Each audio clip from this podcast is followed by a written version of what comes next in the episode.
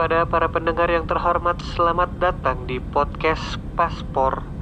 Sebelum mendengarkan, silakan menggunakan headset, merilekskan posisi badan, serta diperbolehkan untuk menghentikan aktivitas lainnya.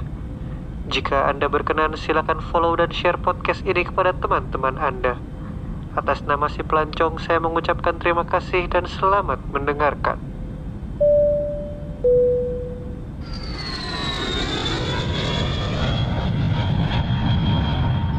Halo para wisatawan dan wisatawati, balik lagi di podcast Paspor. Kali ini si pelancong mau berbagi pengalaman traveling ke tempat yang cukup unik nih, yaitu Mongolia. Kalau dengar kata Mongolia, sebagian orang pasti bakal mikir, ih pasti serem deh liburan ke sana. Tapi ternyata nggak serem loh. Malah banyak pengalaman seru dan lucu yang gue alamin saat traveling ke Mongolia. Mongolia sendiri sekarang kebagi jadi dua nih.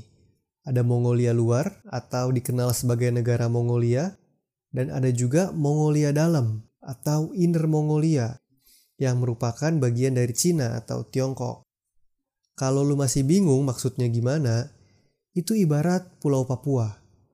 Ada Papua Nugini yang merupakan negara sendiri dan ada Provinsi Papua yang merupakan bagian dari Indonesia. Dan kali ini gue akan ceritain pengalaman gue traveling ke Mongolia dalam atau Inner Mongolia yang merupakan bagian dari Tiongkok. Nah, karena termasuk bagian dari Tiongkok, jadi orang di Inner Mongolia itu pakai dua bahasa untuk komunikasi. Yang pertama bahasa Mongolia, yang kedua bahasa Mandarin. Kalau nggak bisa dua-duanya gimana dong komunikasinya? Ya udah pakai bahasa tubuh aja. Yang penting tahu sama tahu lah. Soalnya orang sana emang gak gitu bisa bahasa Inggris. Perjalanan gue dimulai dari kota Ordos. Dan begitu sampai di sana, gue agak heran. Soalnya di kota itu semuanya serba genghiskan. Mulai dari nama toko, restoran, sampai salon, semuanya dikasih nama genghiskan. Kebayang gak sih kalau orang sana pesen ojek online, terus abangnya nanya, sesuai titik ya kak? Terus dijawab, iya pak jemputnya di restoran Genghis kan ya? Dan begitu abangnya sampai, dia pasti bingung. Soalnya itu sederet restoran di Ruko namanya Genghis Khan semua. Jadi emang Genghis Khan itu kayak pahlawan utama masyarakat Mongolia. Bahkan semua orang Mongol ngaku sebagai keturunan Genghis Khan. Pemandu wisata gue ngaku dia keturunan Genghis Khan. Supir bus gue ngaku dia keturunan Genghis Khan. Sampai tukang souvenir yang gue temuin juga pamer ke gue kalau dia itu keturunan Genghis Khan. Ya mungkin aja itu bener sih. Soalnya Genghis Khan itu katanya punya enam istri dan lebih dari 500 selir. Bayangin aja tuh, 500 selir. Kalau tiap malam ganti satu selir, udah setahun juga belum habis-habis tuh. Tapi apa pun pendapat lu tentang orang Mongolia, jangan pernah menghina atau ngeledekin Genghis Khan di depan orang Mongolia. Karena waktu itu ada tamu gue yang bercandain pemandu lokal di sana. Dia ngomong, Genghis Khan itu sama Shahrukh Khan kalau adu joget siapa yang menang ya? Di situ muka si pemandu wisata langsung bete. Terus dia bilang kalau Genghis Khan itu udah dianggap kayak dewa sama orang Mongolia. Jadi ngeledekin Genghis Khan itu sama dengan ngeledekin dewa mereka. Dan ngomongin Genghis Khan, tempat wisata pertama yang gue datengin adalah Genghis Khan Mausoleum atau Monumen Makam Genghis Khan. Tapi sebetulnya ini bukan makam aslinya, karena sampai sekarang gak ada yang tahu Genghis Khan itu dikubur di mana. Dan peti yang ada di sana itu adalah peti kosong. Jadi tempat ini cuma kayak kuil pemujaan sama tempat kasih persembahan buat Genghis Khan. Selesai dari sana, perjalanan dilanjutin ke gurun pasir Tengger. Gurun ini emang gak seluas gurun Gobi yang ngetop itu. Tapi lumayan lah. Sekitar 37.000 km persegi atau 55 kali lebih luas dari kota Jakarta. Di sana ada banyak aktivitas buat turis. Kayak naik kereta gantung, main ATV, naik unta, sampai main prosotan pasir. Salah satu yang favorit ya pasti naik unta. Apalagi unta di sini juga beda sama unta di daerah timur tengah sana. Unta di Mongolia itu jenisnya unta baktria. Bedanya itu adalah punuknya ada dua. Terus, unta baktria ini juga katanya lebih doyan minum dibanding jenis unta lainnya. Jadi disaranin, kalau lu mau nyobain naik unta ini, jangan bawa air minum. Katanya nih, dulu pernah ada turis bule lagi naik unta di sana. Terus disosor dari belakang sama unta lain yang mau ngambil air yang dibawa si bule itu di ranselnya. Aktivitas lainnya yang wajib dicoba adalah sand sliding atau prosotan pasir. Awalnya gue kira yang mau main prosotan pasir ini cuma anak-anak. Ternyata banyak juga orang dewasa yang mau nyobain. Tapi ingat, sebelum lu main, tolong copot dulu semua aksesoris dan perhiasan yang lu pakai. Jangan sampai kayak temen gue, Pas dia meluncur dia nggak bisa kontrol papan yang dia pakai, terus dia kejungkal gitu. Pas dia guling-guling, kalung yang dia pakai itu ketarik dan lepas dari lehernya. Terus ya dia panik dan coba nyari kalungnya itu. Tapi lu bisa bayangin kan, gimana susahnya nyari sebuah kalung di antara hamparan pasir. Dan akhirnya dia harus relain kalungnya hilang. Sakit badan enggak, tapi sakit hati Selain di provinsi Inner Mongolia, gue juga main ke provinsi Kansu. Di provinsi ini, ada satu objek wisata yang terkenal banget, yaitu Rainbow Mountain alias Gunung Pelangi.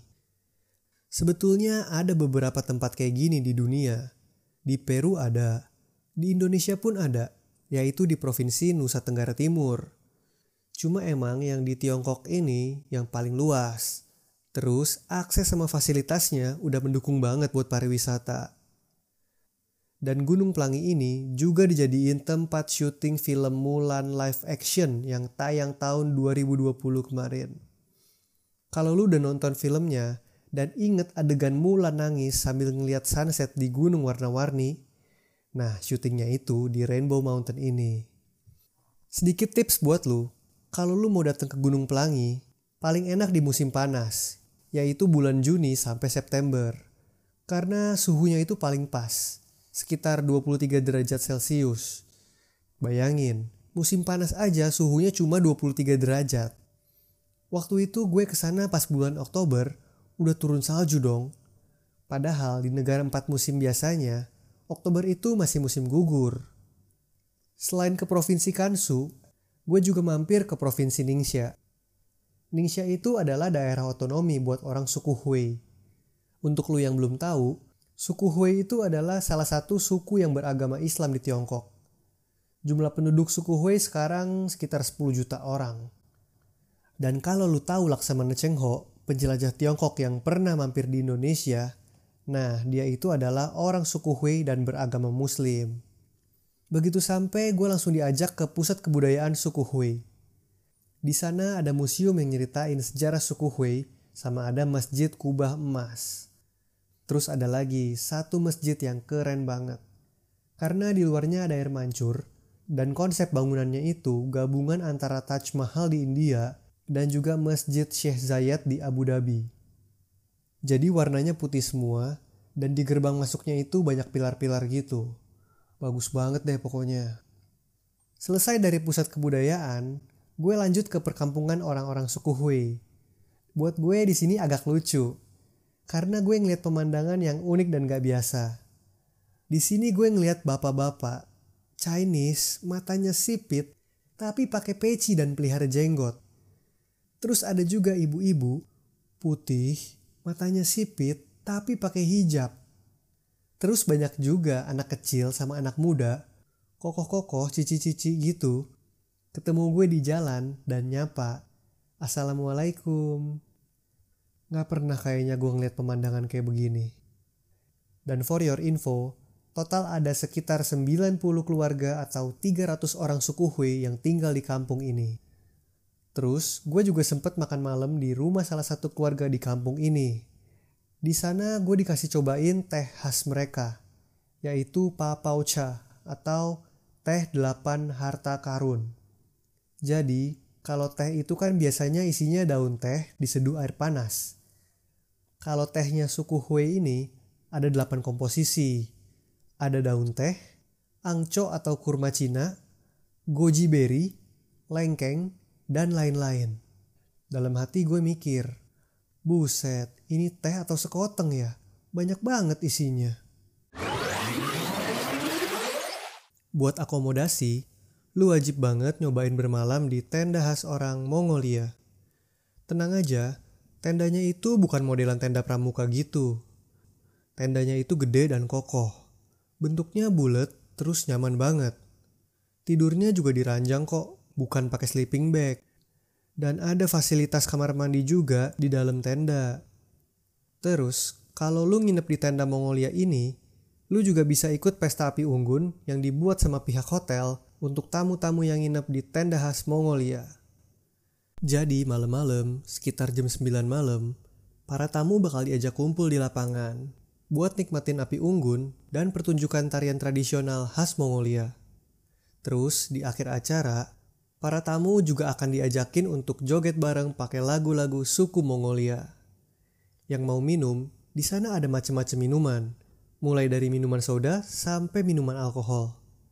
Tapi untuk bir dan vodka cuma ada merek asli Mongolia, yaitu bir dan vodka merek Genghis Khan. Selain nyobain tidur di tenda Mongolia, lu juga wajib nyobain minuman khas Mongolia. Namanya airak. Minuman ini adalah susu kuda yang udah difermentasi. Jadi rasanya sedikit asam gitu. Dan airak ini mengandung alkohol ya. Tapi cuma 2% sih. Jadi untuk yang muslim harap hati-hati. Dan emang, semua makanan asli orang Mongolia kebanyakan produk hewani Soalnya, mereka kan tinggalnya nomaden dan di tempat dingin. Jadi, agak susah kalau mau nanam sayur-sayuran. Selain airak, ada juga makanan unik lain khas Mongolia, yaitu Mongolian yogurt. Yang bikin unik adalah, yogurt ini dibuat bukan dari susu sapi biasa, tapi dari susu yak. Buat yang belum tahu, yak itu sejenis sapi gunung yang gede dan berbulu. Kalau masih bingung, browsing aja di Google fotonya. Terus, orang Mongolia juga makan keju yang dibuat dari susu kambing. Tapi makanan favorit gue adalah Mongolian barbecue atau korkok. Jadi ini tuh daging domba yang dimasak pakai batu. Dan ada cerita konyol pas gue nyobain korkok di Mongolia. Jadi pas mau order, kan si pelayannya datang ke meja tuh buat nyatet. Terus gue bilang ke dia, one korkok well done karena gue emang lebih suka daging yang well done dibanding medium. Terus dia nyatet tuh sambil senyum-senyum. Dan pas makanannya datang, ternyata dagingnya tuh masih agak merah-merah. Gue panggil lagi dong pelayannya itu. Gue bilang, Excuse me, I want well done. Eh, dia malah senyum-senyum sambil manggut-manggut. Gue bilang lagi dong, Can you make it well done? Eh, dia senyum-senyum lagi sambil bilang, xie xie. Lah gue bingung dong. Akhirnya gue panggil pemandu wisata buat bantu ngomong ke pelayannya. Dan ternyata si pelayannya kira gue ngomong well done itu buat muji dia kalau kerjaan dia bagus. Dia nggak tahu kalau well done itu artinya mateng sempurna dalam dunia perdagingan. Sungguh terlalu. Nah, itu tadi cerita pengalaman gue saat traveling ke Inner Mongolia. Semoga bisa memberi hiburan dan pencerahan buat lu yang mau traveling ke sana. Anyway, buat para wisatawan dan wisatawati yang punya cerita seru saat liburan, ayo share cerita lu ke Instagram kita at podcastpaspor karena ada hadiah uang tunai untuk setiap cerita yang terpilih. Thank you guys for listening. Jangan lupa follow kita di Instagram dan Spotify supaya lu gak ketinggalan episode podcast paspor selanjutnya. And see you on the next episode.